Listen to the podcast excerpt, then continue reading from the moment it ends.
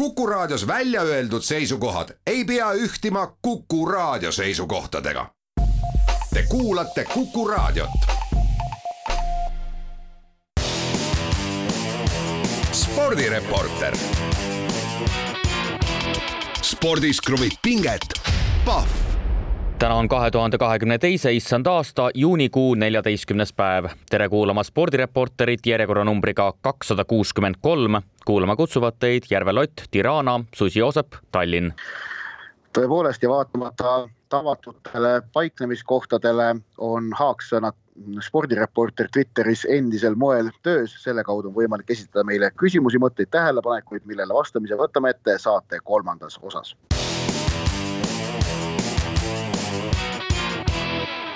aga alustame spordireporterit nagu ikka kiirete ja aktuaalsete teemadega ning teemaks number üks on värske sündmus siinsamas Tiranas, kus ma viibin. Eesti meeste jalgpallikoondis lõpetas neljamängulise koondise turnee eile õhtul, kui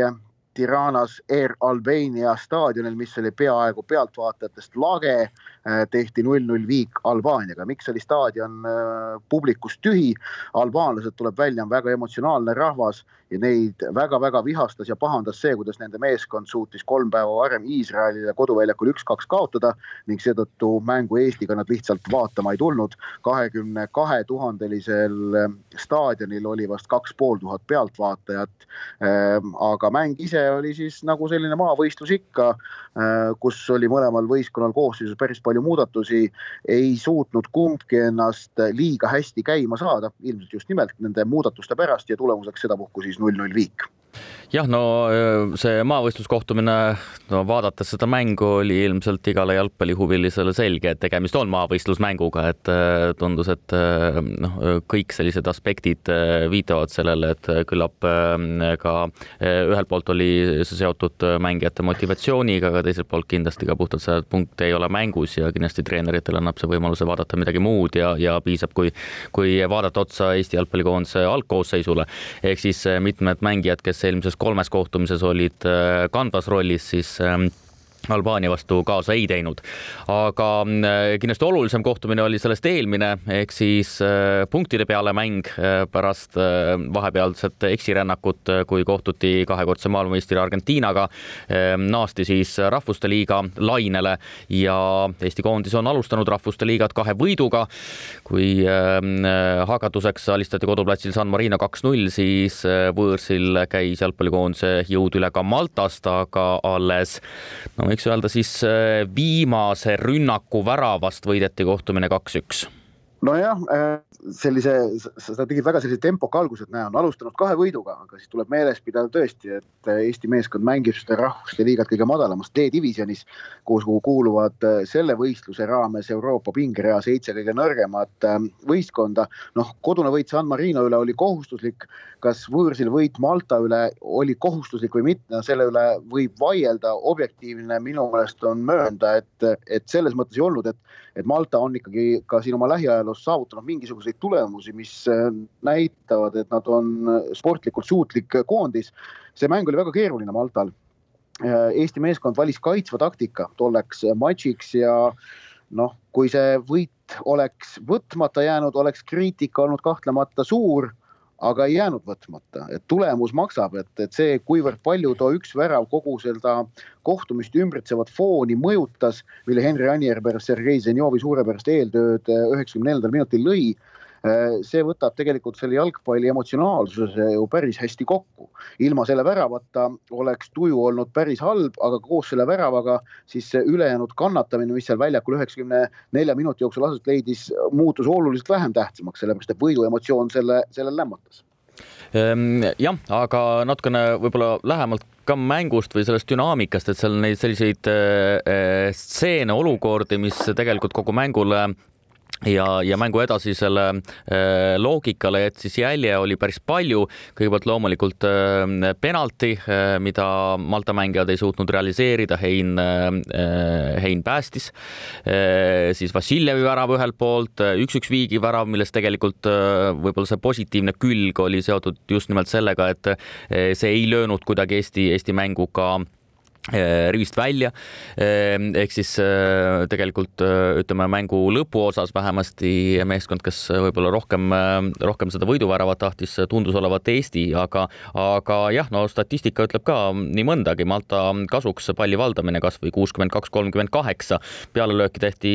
päris palju mõlemalt poolt, võiks, võiks nii öelda, Malta üheksa, Eesti kaheksa, aga noh, õnnega pooleks, aga kuue punktiga on alustatud, nii et äh, vähemasti. vot sellega, sellega ma nõus ei ole, et õnnega pooleks, et see lõpus võeti see, see värav löödi tegelikult klassi pealt, mitte õnne pealt nojah, no ütleme nii, et äh, pigem läheneks siis võib-olla Malta treeneri perspektiivist, äh, nii nagu ta ka pärast kohtumist ütles, et tegelikult mängu lõppfaasis võib-olla see mm, füüsiline konditsioon sai natukene saatuslikuks, et ma arvan, et ikkagi no,. ja see, ja see, see on klass, see on klass, mitte õnn jah, no aga ikkagi kasutati ära pigem ikkagi olukord, kus Malta mängijad äh, ei teinud mitte ainult äh, ühe eksimuse, vaid ütleme seal selliseid valearvestusi oli ju, ju mitmeid. aga, aga jah. ja, ja see, see, Joosep, ja see ongi klass no. see, see juba, ei ole õnn, see on klass ja see, see on tase, see on samamoodi ja see on samamoodi, no siis Eestil oli ebaõnn, et Lionel Messi lõi meile viis väravat, et seda tahad öelda või? see ei, ei olnud ebaõnn, see oli see, et Messil oli klassi lihtsalt niivõrd palju rohkem. ei, sa nüüd, nüüd on ikka puder ja kapsad, ajad üldse tasandid segamini, üks on see, et tõesti Aha. viimasel rünnakul äh, Malta mängijad teevad mitu, mitu prohmakat, mida ma arvan, et esimese seitsmekümne viie minuti jooksul nad ei teeks ja ükski teine meeskond ka ilmselt ei, ei teeks, kes on vähegi tasemel, aga, aga tõepoolest klass on see, et see suudeti ära kasutada. sellega ma olen loomulikult nõus, jah jalgpallijuttudest vist praegu aitab, võtame teema number kaks ette. jah, ja jalgpalli juurde saate lõpuosas äh, rahvusvahelisemal tasandil äh, jõuame äh, veel juttu teha. aga teine teema ja kui Bakuus aset leidnud vormel üks sarja hooaja kaheksandal etapil said Red Bullid kaksikvõidu, Ferrarid põrusid, tiitlikaitsja Verstappen kindlustas esikohta siis Eesti spordisõprade huvi oli iseäranis seotud vormel kaks sarjaga. Jüri Vips võitis kvalifikatsiooni, kõik algas kenasti, sprindisõit ebaõnnestus, aga ebaõnnestus see konkurendi ohtliku manöövri tõttu. põhisõidus äh, oli Vips suurem osa ajast liidrikohal, aga päris lõpufaasis sõitis liidrikohalt seina ja katkestas. ehk siis ähm, kui vaadata kogu tänavusele hooajale tagasi, siis äh, Jüri Vips Rapsil on no vähemasti kolm sellist ähm, situatsiooni, kolm sellist äh, väljasõitu, äh, mis on äh, suure pitseri jätnud ka punktitabelisse. kõigepealt aprilli lõpus Imolas, samuti katkestas sõiduvea tõttu ja sprindisõidus enda eksimuse tõttu jäi sõit pooleli ka maikuus Barcelonas. nii et nii nagu härra Klaar, vormeliekspert, selle kokku võttis, ega need hästi ei mõju loomulikult, sest Red Bullil on väga-väga pikk järjekord ukse taga jah, ja, ja, ja noh, väga keeruline on, on proovida isegi mõelda, mis selle kõige tulemusel ja ajal toimub äh, Jüri Vipsi peas, sellepärast et äh, ta ju noh, kõik saavad aru, et, et äh, tema võistlemine F2-s on, on proovietendus ja et Red Bull tahab saada teada, kas Vipsist on äh, F1-s sõitjad, kas Vips on see mees, kes suudab neid äh, autospordi kuninglikus sarjas aidata? Ja noh, see on tohutult pingeterohke olukord ja kusjuures iga see ebaõnnestumine, mis Vipsi tabab ju noh, loogika ütleb, et need pinged ainult sellega kasvavad. Ja selle kõige keskel toime tulla ja võistelda äh, siis äh, on, on ilmselt nii, et need autojuhtimise oskused äh, no ei saa öelda, et need, need ei ole muidugi vähetähtsad või, või, või, või aga see kogu asi on tohutult psühholoogiline, et, et, et äh, see proov, millele Vips nüüd peab vastu pidama siin edasise F2 hooaja jooksul, see on väga karm, see on väga karm kadalipp, mis teda ees ootab. sest et tõesti need iga eksimus ju süvendab seda ebakindlustunnet jah, ja kui nüüd kuues kohas on sõidetud äh, ehk siis kuus korda on sõidetud äh, äh, süsteemiga sprindisõit ja põhisõit, siis kindlalt juhib Felipe Drugovitš, aga Jüri Vips on viiekümne ühe punktiga praegu seitsmendal kohal, no tõsi, neljas koht väga kaugele ei jää. aga ma olen nõus jah sellega, et ühelt poolt ilmselt keegi ei kahtle ka vormeli vaatlejate seas, et Jüri Vips ja ka praeguse masinaga on väga kiire ja seda ta on kindlasti kindlasti tõestanud kogu tänavuse hooaja äh, vältel ja isegi võib-olla üllatavalt kiire on ta olnud, äh, arvestades ootusi enne hooaja algust aga tõesti need väikesed eksimused ja see põhiküsimus ilmselt ongi eh, seotud sellega, eh, kui võib-olla tiimilt järgneb ka veel korralik peapesu, et eh, kuidas ta just nimelt psühholoogiliselt hakkama saab. ehk siis kuidas tegelikult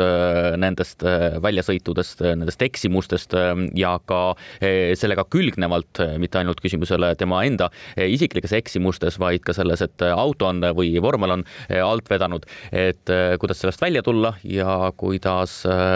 noh, nii-öelda see põhiküsimus ehk siis selline stabiilsus saavutada. Ehm, kuidas see tal õnnestub? kuidas iganes draama lõpeb, kas äh, õnnelikult ja vips jõuab vormel ühte või õnnetult ja ta ei jõua, siis äh, kui sellest draamast kirjutada stsenaarium, siis äh, ei ole vaja üldse kunstlikult midagi väga juurde panna, et see reaalelu on pakkunud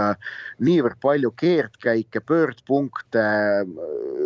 vägagi noh, huvitavaid kurve, et, et see on, see on uskumatult äh, uskumatult põnev lugu, kuidas Jüri Vips praegu võitleb selle nimel, et vormel ühte jõuda, need on, neid on üles-alla, üles-alla kogu aeg see on käinud. no nüüd see nädalavahetusel see, kuidas ta raadiosse karjub, et olen loll, olen loll noh, sellest, sellistest hetkedest annab äh, päris ägedaid dokumentaalsarjasid kokku panna, et noh, Netflix on näidanud, aga nad teevad vormel ühes seda asja. jah, aga siin võiks öelda, et näiteks fiktsiooni ei saaks, sest äh, tihtilugu ongi nii, et see äh, tegelik spordivõistlus on isegi noh, mingis mõttes ebausutavam kui ükski fiktsioon sellega ma olen nõus, kusjuures jalgpallis muuseas me kohtume seda eriti tihti, kui sinna teema number üks juurde tagasi hüpata. aga Äh, liigume edasi ja võtame ette teema number kolm ning püsime autospordi juures ja räägime Le Mansi, kas ma hääldasin õigesti, Joosep? no Le Mani. Äh, Le Mani äh, võistlusest, mis esimest korda Eestis suuremat tähelepanu pälvis, sellepärast et Mart Rump kuulub võistkonna koosseisu, kes saavutas tollel võistlusel äh, LMGTE võistkonna seal no nelja tunni võidusõit on äh, bränd, mida teatakse mis on selle brändi sisu, seda tegelikult enne nüüd, kui Rump äh, seal võistles, no oleme ausad, pole üldse Eestis teadvustatud meil siin äh, on Tiranaga väikesed äh, probleemid äh, sidega, aga Ott, kui ma võtan kokku selle, mis sa ütlesid, saan aru, et Le Mani sõidule pole Eestis eriti tähelepanu pööratud, aga kuna rump võistles ja võistles ka päris korralikult, siis nüüd on seda natukene rohkem ja Le Mani sõit on, no võiks öelda, või võistlus on selliseks täiesti omaette brändiks saanud. oli nii? No umbes nii jah, tahtsin öelda, aga et äh, me ei tea tegelikult, äh, varem ei teadnud üldse, mis selle Le Mani võistluse sisu on. nüüd, kui Rump seal sõitis ja sellest ka äh, ERR-ile, kes kohapeal võistlust kajastas, rääkis, siis natukene paremini hakkas sellest kõigest aimu saama, et noh, mõned, mõned numbrid selle Rumbi võistluse kohta Hardpointi võistkond läbis kokku kolmsada kolmkümmend kaheksa ringi. rump istus roolis seitse tundi, nelikümmend viis minutit, kakskümmend neli sekundit, sõitis sada neliteist ringi ehk circa tuhat viissada kilomeetrit. Eh, selle ringi pikkus, mida Le Manis läbitakse, on kolmteist koma kuus kilomeetrit, noh võrdluseks vormel ühe ringid on seal viie kilomeetri kanti või natukene üle.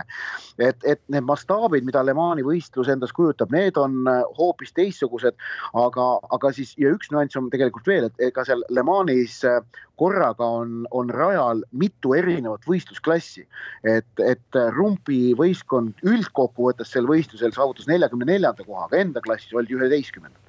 jah, ja kaotust võitjal siis nelikümmend kaks ringi. arvutad ka kilomeetrid kokku, ei arvuta? Äh, aga. no nelikümmend kaks ringi, no ja iga ja. ring oli kolmteist koma kuus kilomeetrit. jah, äh, aga jah, tõepoolest on täiesti noh, e, erisugune võistlus teistest auto, motospordi võistlustest, mis tõesti on tõesti, vältabki kakskümmend neli tundi järjest, üks kord aastas oodatakse seda pikisilmi. Ja, ja kindlasti võib tuua palju võrdlusi, ma ei tea, teiste selliste kestvusspordialadega, ultrajooksudega ja nii edasi, aga need võrdlused on täiesti tarbetud et Le Mani võistlus on tõesti täiesti omaette fenomen ja, ja, ja neid põhjuseid on loomulikult väga palju, kõik juba algas ilmselt äh, seal kahekümnendatel, tänavu toimus ju üheksakümnendat korda, aastal kakskümmend kolm esimest korda. et äh, ta on esiteks juba nii pikkade traditsioonidega ja esialgu oli ta kindlasti selline koht, kus võiski näha tõesti sellise inimeste täiesti piirsituatsiooni, eh, noh, inimese võimete piiride kompamist pidevalt. aga kindlasti on oma osa ka äh, popkultuuril, ehk siis Le Mani sõit on äh, midagi sellist, millest on vändatud filme, võib-olla kõige kuulsam aastast seitsekümmend üks, aga ka siin ju kolm aastat tagasi vändati Le Mans kuuskümmend kuus film ja nii edasi. nii et neid seoseid eri kultuuriväljades Le Maniga, et on, on väga-väga palju, nii et on saanud omaette sümboliks ja, ja sellel tema praegune eh, selline populaarsus eh, põhineb, olgugi et, et tegelikult paljud sellised tunnusjooned on just nimelt midagi sellist, mis eh, praeguse aja spordi jälgimise selliseid loogikaid arvestades on kuidagi ebaloogilised jah, et esiteks ta vältab meeletult pikalt suur osa pealtvaatajatest ei saa täpselt ikkagi aru, kes kus on ja, ja nii edasi ja mis ikkagi täpselt toimub ja, ja mis hetkedel tuleb, tuleb poksipeatusi teha ja nii edasi. nii et palju on segast on, aga, aga just see sümbolväärtus on tõesti väga suur ja mulle väga meeldib, kui Eesti spordielu saab tuttavamaks erinevate võistlustega, mis äh, muudes maailma otsades või, või paikades on väga olulised, mida Eestis seni eriti pole tuntud, see tegelikult rikastab terve Eesti spordipilti, et, et noh, näiteks viimasel ajal on natukene rohkem hakatud tähelepanu pöörama golfi suurturniiridele ja, ja, ja ka rugby MM-ile, mis on maailmas väga olulised spordisündmused, et neile Eestis tähelepanu pööratakse, see on tegelikult on tähtis, et, et see aitab seda tervet maailma spordipilti mõista aga läheme edasi, neljas teema, Eesti võrkpallikoondis pidi laupäeval Euroopa Kuldliiga raames kohtuma võõrsil Tšehhiga, aga koondist tabas koroonaviirus, mitu mängijat andsid positiivse koroonaproovi, seetõttu jäi mäng ära ja sellega sai võrkpallikoondise alagrupi turniir ka läbi ja finaalturniirile seekord ei jõutud. no mis on põhiküsimused, ikkagi põhiküsimused on seotud sellega, et meil on uus peatreener kuu aega, Fabio Sooli ja väidetavalt siis nagu kirjutab tänane Postimees, siis äh, või kirjeldatakse seal ka väga äh, äh, pikalt seda, missugust käekirja harrastab Fabio Sooli ja sellest on kirjutanud ka võrkpallikoondise koondise mängijad, nii et arvestades, äh, kuivõrd palju oli eemalejääjaid, äh, kuivõrd palju mängijaid äh, võrkpallikoondisest läbi käis, kuivõrd palju said mängida ja arvestades seda, kuivõrd uus on siis lähenemisviis võrkpallikoondises, siis tegelikult tulemused olid harukordselt kenad. et võideti ju Lätit, kaks korda võideti Belgiat, võideti Soomet kaks korda, kaotati küll Lätile ja Tšehhile, aga aga teine koht ja ütleme, algus uue peatreeneri käe all on, tundub, et äh, palju lubab. nojah, et aga, aga oli selgelt ju aru saada, et kogu see äh, e kuldliiga oli, seda võeti ettevalmistusena äh, EM-valiksarjaks, mis Eesti meeskonda augusti sees ootab. seal on alagrupi vastasteks Belgia, Fääri saared ja Iisrael ning äh, Äh, vist on see selline, et isegi kõik teised kohad edasi otse ei pääse EM-ile ehk on seal vaja siis äh, näidata väga häid äh, tulemusi. Just nimelt. Ja lisaks oli tegemist ka meeldetuletusega, et koroonaviirus pole kuhugi kadunud ja spordivälja, spordivõistlusi ka suuremaid võistlusi võib see ka eeloleval sügisel päris omajagu mõjutada. aga nüüd väike paus ja jätkame võrkpallilainel spordireporter.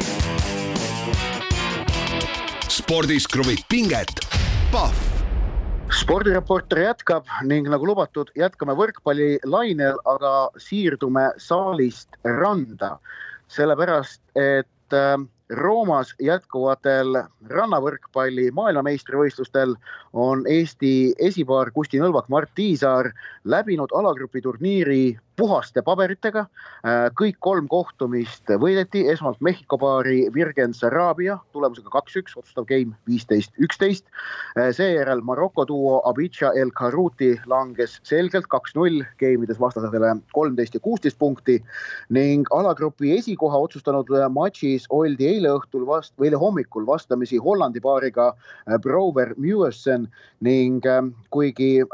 võideti avagame kakskümmend üks, kuusteist, teine kaotati kaks kaksteist, kakskümmend üks, aga otsustav game võideti viisteist, kaksteist. alagrupp täiseduga läbitud ning äh, see tähendab, et kolmekümne kahe parema sekka ollakse nüüd jõutud, kellega seal vastamisi minnakse, selgub tänaõhtusel loosimisel, kui on ära peetud ka kõik vaheringi matšid. ent suures plaanis võib öelda, et, et see Tiisar Eh, Nõlvak-Tiisaar duo esitused praegu seal rannavõrkpalli MM-il on, on nagu märk või, või no annavad lootust, et on, on jõutud mingile järgmisele tasemele. eks maailmameistrite üle ikkagi ja, ja Rio olümpiapronksi üle saavutatud võit, see on midagi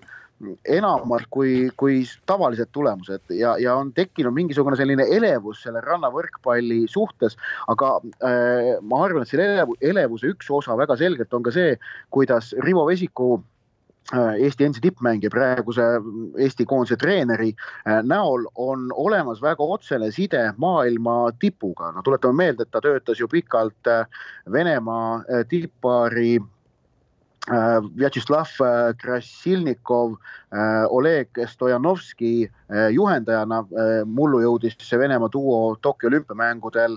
finaali, kaotas seal küll Norra paarile, aga võitis ikkagi hõbemedali. ehk et Rivo Vesiku kaudu on olemas nüüd väga otsene side ja veendumus, et ta teab, kuidas maailma tippu jõuda, mida seal, mida selle jaoks on teha vaja ning seetõttu on rannavõrkpalli osas tekkinud selline positiivne elevus. ma mäletan, et see elevus oli olemas ka kahe tuhandendatel, kui Rivo Vesik veel ise Kristjan Kaisiga mängis, nad võitsid ju suisa ühe maailma karikaetappi, maailmameistrivõistlustel saavutasid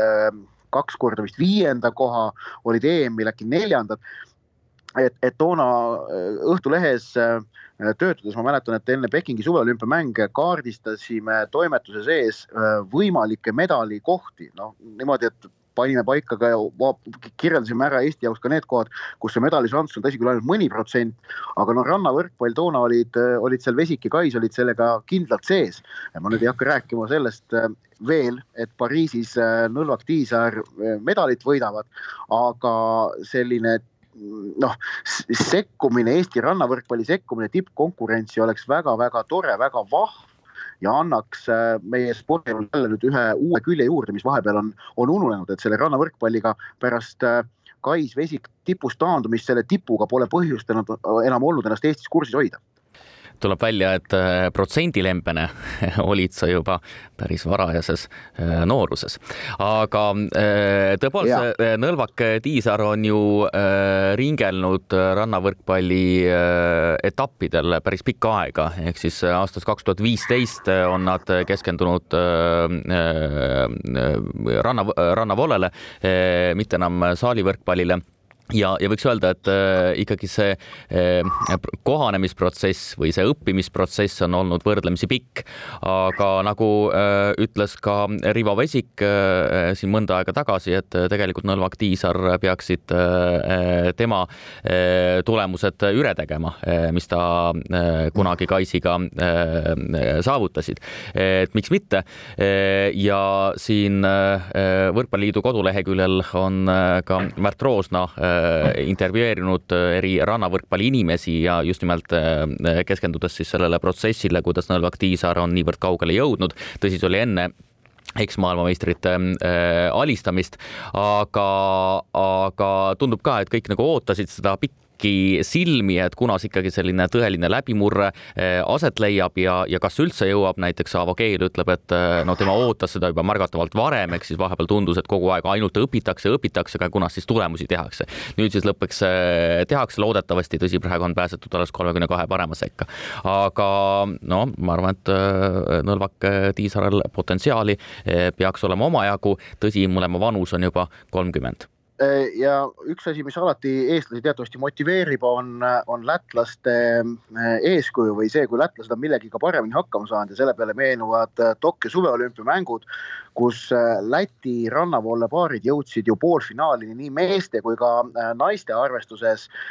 naiste seas Anastasia Kravtšenoka ja Tiina Graudina ning meeste seas oli, oli paariks Martin Splavins ja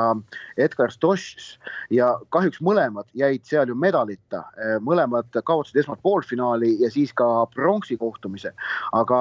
see, kuidas Läti ajakirjanikel, kolleegidel oli põhjust pidevalt rannavoole platsivahet sõeluda, see jäi mulle sealt Tokyo mängudelt eredalt meelde ning oli selline hea meenutus, et, et ka, ka väikesel riigil, kus noh, seda rannailma läbi aasta ei ole, targa tööga on võimalik sellel alal kaugele jõuda jah, ja äh, kui tulla tagasi veel äh, selle teema lõpetuseks äh, Kais vesikperioodi juurde, siis tundus küll, et see vaimustus, üks vahe oli päris suur just nimelt seetõttu, et avastati, et võrkpalli on võimalik teistmoodi mängida. et tegemist on täiesti professionaalse alaga, täiesti professionaalse alaga, mitte ainult see, et mängitakse tõesti Pärnu rannas ja, ja siin Viljandi järve kaldal.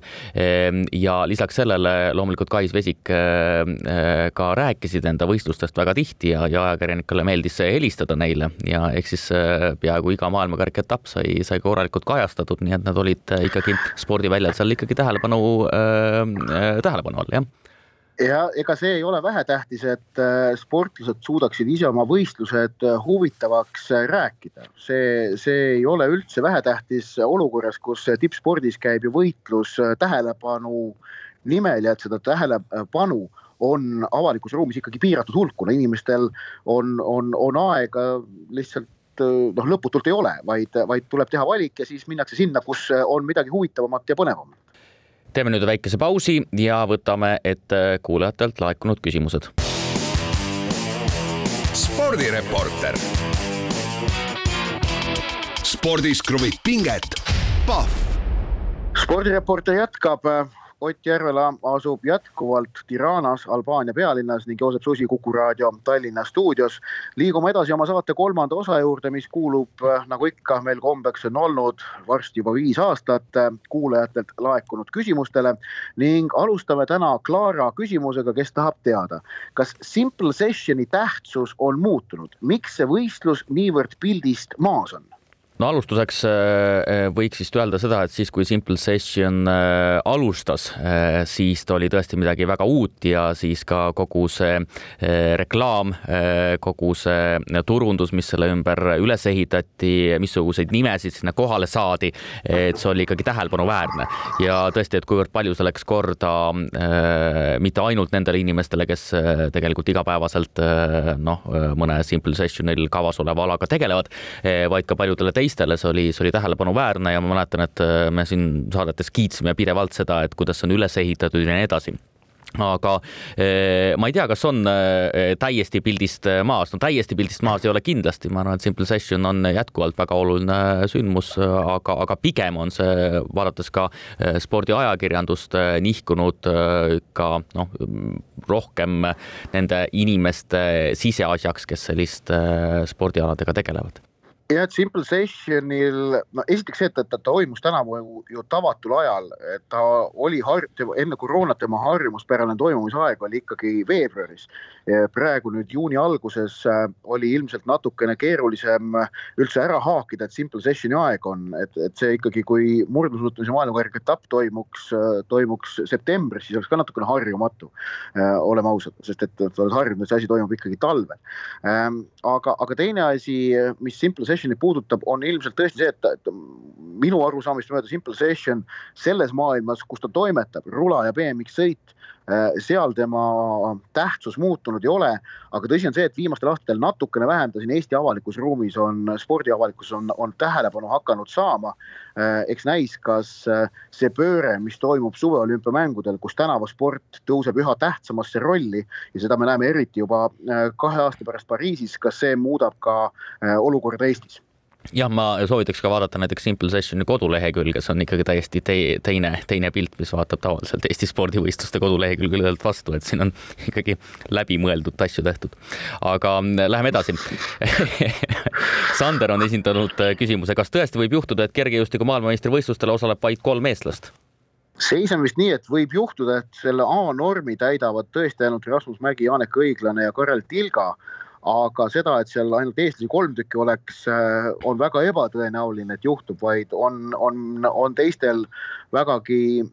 arvestatav tõenäosus edetabeli kohaga peale saada, sellepärast et kergejõustiku MM-i osalejaskond pannakse ju kokku lõpuks niimoodi, et igal alal on kindel arv võistlejaid ja kui normitäitjaid pole piisavalt, siis hakatakse maailma edetabeli äh, põhjal ähm, kohti täitma. Äh, Karl-Erik Nazarjevil MM-normist jääb küll puudu päris palju, aga ma olen aru saanud, tema šansid ikkagi äh, minna sadat meetrit MM-il jooksma näiteks on, on päris arvestatavad ja on teisi kergejõustiklasi veel, kes peaksid sinna ikkagi peale saama, tõsi, mingist äh, väga suurest koondisest ka samas ilmselt rääkida põhjust ei ole.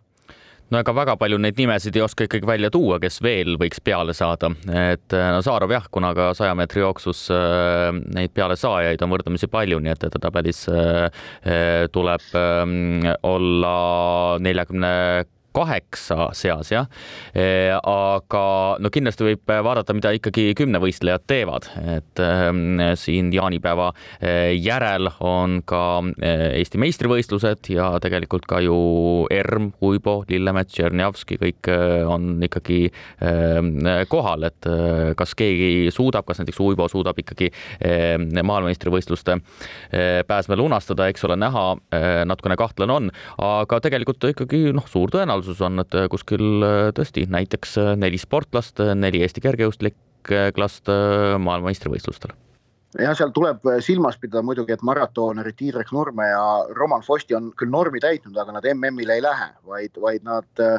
valisid kahest tiitlivõistlusest teise Münchenis toimuvad Euroopa meistrivõistlused, mis noh, oleme ausad, on, on täiesti arusaadav EM-il nende šansid teha tulemus, mis jääb meelde ja pakub hingele midagi erilist, on lihtsalt niivõrd palju suuremad kui, kui MM-il. ja, ja et maratonijooksjad sinna lähevad, on, on, on loogiline. no siin Õhtulehes oli, oli paar aega tagasi artikkel, et, et kus, kus loetleti üles neid kergejõustiklasi, kes proovivad veel MM-normi püüda. noh, jah, tõsi on seal see, et midagi kindlat kellelgi ei ole ja no aga läheme küsimustega edasi. no ma ütlen võib-olla ka kergejõustiku teema lõpetuseks, et ikkagi äh, kõik ootavad ikkagi seda, mida Kirt teeb. Et ka kunas no, Kirt tagasi tuleb ja, ja ikkagi äh, Magnus Kirdi nime ei tasu, tasu veel täiesti ära unustada aga läheme edasi ja pullimees viiskümmend kaheksa on esitanud küsimuse, mis moodustis on Eesti meeste rahvuskoondiseks ettevalmistav jalgpalli U kakskümmend üks koondis? Viimases neljas valiksarjas neljakümnest mängust teenitud kaks võitu, üksteist punkti, väravate vahe seitseteist, sada kuusteist. eriti hull on aga lugu viimases kahes valiksarjas, kus hiilgame väravate vahega kolm, kuuskümmend kuus. No ma võtaks selle ka viimase valiksarja ette, kümme mängu, kümme kaotust, väravate vahe null kolmkümmend kaks noh, see on ikkagi ka päris võigas, ütleme niimoodi. Ähm, aga Eesti noortekoondiste tulemused mõne üksiku erandiga on olnud kehvad ikkagi päris pikemat aega, et mitte öelda alati ja no üks kitsas koht, millele jalgpalli sees on hakatud üha enam tähelepanu juhtima konkreetselt noortekoondiste äh, puhul on see, et noortekoondiste peatreenerid Eestis ei tööta täiskohaga, vaid nad on äh, kõikidel noortekoondistel on peatreener, kes on enamasti mõne, mõne klubi treener põhikohaga ja siis selle kõrvalt juhendab ka seda noortekoondist, et see võib olla üks koht, kus on kindlasti võimalik juurde panna. aga noh, laiemas plaanis noortekoondiste tulemused peegeldavad kindlasti ka Eesti noorte, noortetöö kvaliteeti, et, et kui see ei ole piisavalt hea, et, et tulemusi saavutada, siis järelikult kvaliteeti pole niivõrd head, nagu oleks vaja. Aga paar aastat tagasi räägiti, kui hea on ikkagi kogu noortetöö, sest vaadake, kui hästi läheb meie U seitseteist koondisel toonane U seitseteist, see on see kahe tuhande kolmandal aastal sündinute punt, noh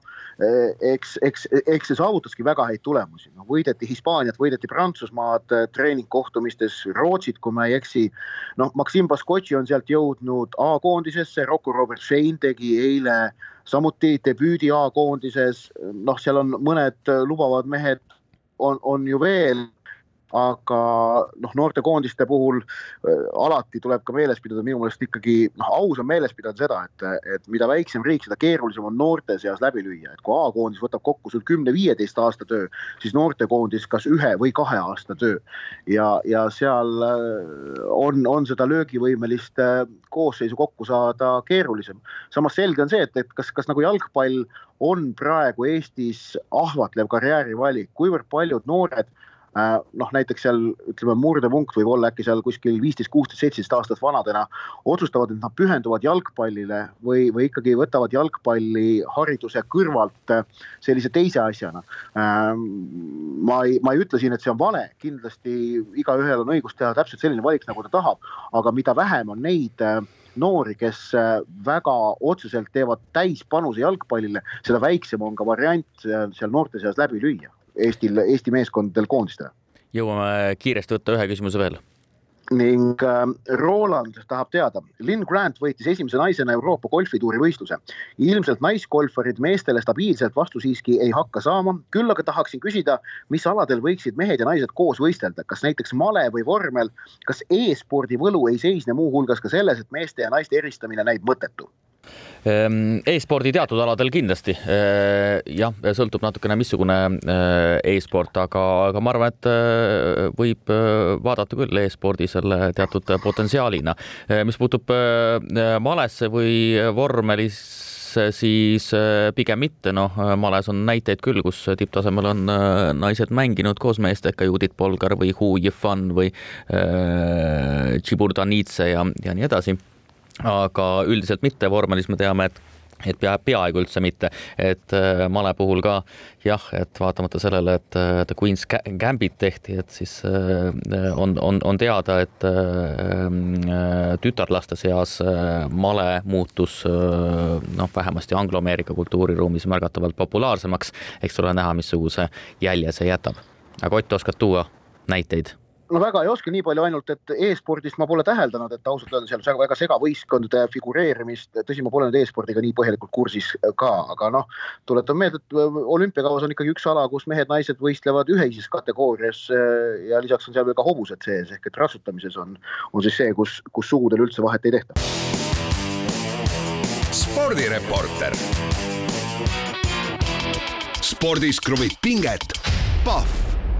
spordireporteri saade on jõudnud lõpusirgele. Ott Järvela jätkuvalt Albaanias, Joosep Susi jätkuvalt koduvabariigis. aga saate lõpus tuleme tagasi jalgpallilainele ja kui saadet alustasime Eesti jalgpallikoondise tegemistest, siis äh, nüüd vaatame natukene laiemat pilti. nimelt äh, Rahvuste Liiga on äh, tegelikult jõudnud juba päris kaugele ja kõik, sisuliselt kõik maailma tipptasemel rahvuskoondised on olnud võistlustules ja lisaks sellele on selgunud ka peaaegu kõik jalgpalli maailmameistrivõistlused võistluste finaalturniirile pääsenud või pääsevad meeskonnad, vaid üks koht on veel selgitamisel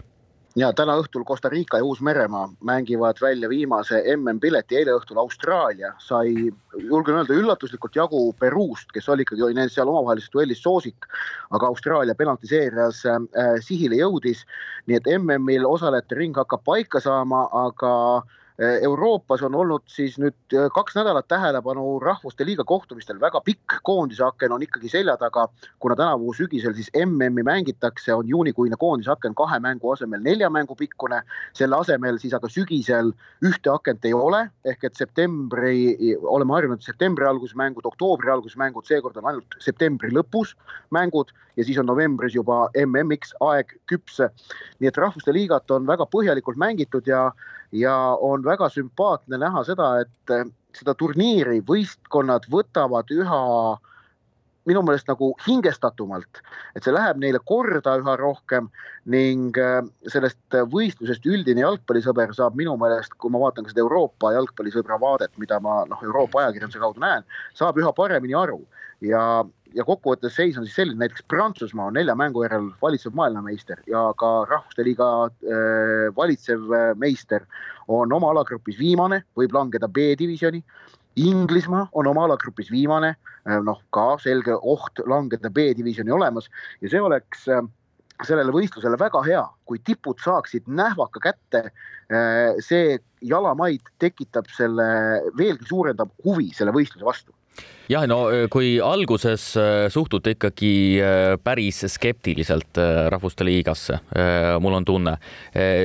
need põhjused, miks miks ikkagi see loodi, et me näeme ikkagi pidevalt motiveeritud jalgpallureid, kes mängivad rahvuskoondise eest, me näeme pidevalt kõrgetasemelisi mänge, et kui palju oleme näinud ikkagi noh, ütleme a la Inglismaa, Itaalia, Inglismaa, Saksamaa, Itaalia-Saksamaa tüüpi mänge kahe nädala vältel, eh, siis neid on eh, tähelepanuväärselt palju. ja eh, kui praegu mängitakse kolmandat korda, siis ma arvan, et järgmine kord Rahvuste Liiga on veelgi olulisem, ehk siis tundub, et need põhjendused on ikkagi olnud adekvaatsed, ehk siis tegelikult see Rahvuste Liiga ehm, loomine on esiteks jalgpalli pilti üldse muutnud, on tegelikult ka natukene koondiste akent tähtsustanud, muutnud tähtsamaks nii et äh, ma arvan, et see on äh, hea lüke olnud. Ja, ja tõesti, kui me vaatame praegu neid kohtumisi, siis pidevalt on punktid mängus ja pidevalt on ka väikestes gruppides punktid mängus, nii et tegelikult iga selline libastumine, näiteks nagu Inglismaa Ungari vastu, võib olla otsustava tähtsusega. nii et me näemegi ka täiesti tavalistes koondise akendes mänge, mis on väga väärtuslikud ka Eesti koondise puhul. nii et selles mõttes see koondise elule on see kindlasti värskendavalt mõjunud ja hüppame korraks eilsesse õhtusse siinsamas Tiranas, kus ma olen, et see Eesti-Albaania null-null, et enne rahvuste liigat sääraseid null-null viike või, või selliseid kohtumisi, kus noh, kummalgi meeskonnal ikkagi sellist nagu täit pingutust ei õnnestunud välja panna, sest et peatreenerid otsustasid eksperimenteerida, nägi pidevalt Äh, iga no, no kahest maavõistlusest vähemalt üks oligi säärane, ka tippvõistkonnad mängisid omavahel selliseid mõttetuid äh, mänge, kus mõlemad vahetasid vaheajal, tegid viis-kuus vahetust äh, ja mis ei võimaldanudki kummalgi võistkonnal sellist noh, täit pingutust teha, sellepärast et mänguline rütm ju lõhuti paratamatult ära. Aga, aga nüüd need maavõistlused on pea tegelikult kadunud, et see, et Eesti Albaaniaga maavõistluse pidas, see oli erandlik, et Eestil juhtus olema see üks, oli üks väheseid Euroopa koondiseid, kellel ei olnud nelja rahvuste liiga mängu selles aknas. pea kõik ülejäänud Euroopa koondised mängivad ju täisprogrammi praegu aga kuna me oleme väga palju tänase saate vältel äh, lobisenud ja aeg hakkab otsa saama, siis äh, peame sellele teemale joone alla tõmbama ja liikuma soovituste juurde. Äh, mina alustan, Ott, lubad? ja alustangi Rahvuste Liigast, nimelt täna Inglismaa võõrustab Ungarit ja väga oluline kohtumine, sest esimeses omavahelises mängus Inglismaa penaltist null-üks kaotas ja on praegu tabelis kolmandas grupis viimasel neljandal kohal mina soovitan vaadata ujumise maailmameistrivõistlusi, mis algavad laupäeval, sain äh, mõnevõrra üllatuslikult teada, et Eesti Televisioon näitab neid otseülekandes nii hommikusi kui, kui õhtust programmi ning kui ma ujumisliidu alaleedu, ujumisliidu kodulehekülje peal juhatuse koosoleku protokolle puurisin, siis ma sain ka teada, kes Eesti koondisesse kuuluvad. Need on Gregor Tsirk, Daniel Zaitsev, Ene-Li Jefimova, Armin Lelle, Aleksa Kold ja Alex Ahtiainen aga saadet äh, jääb lõpetama üks lugu, mis viib meid esiteks juba suvelainele, aga nagu me teame, siis rannavõrkpalli meka meie koduvabariigis on äh, kahtlemata äh, Pärnu rand, nii et liigumegi Pärnumaa randa.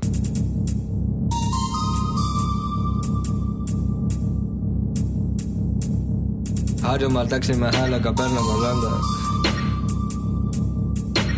Kalanda, sulanda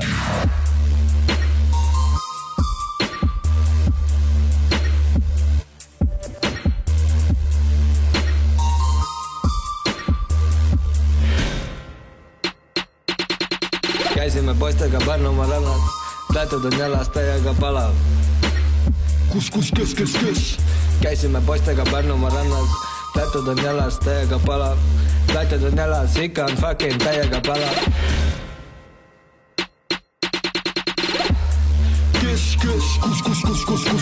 Kes? meie Pärnumaa rannas, Pärnumaa rannas täiega palav, pükse pole.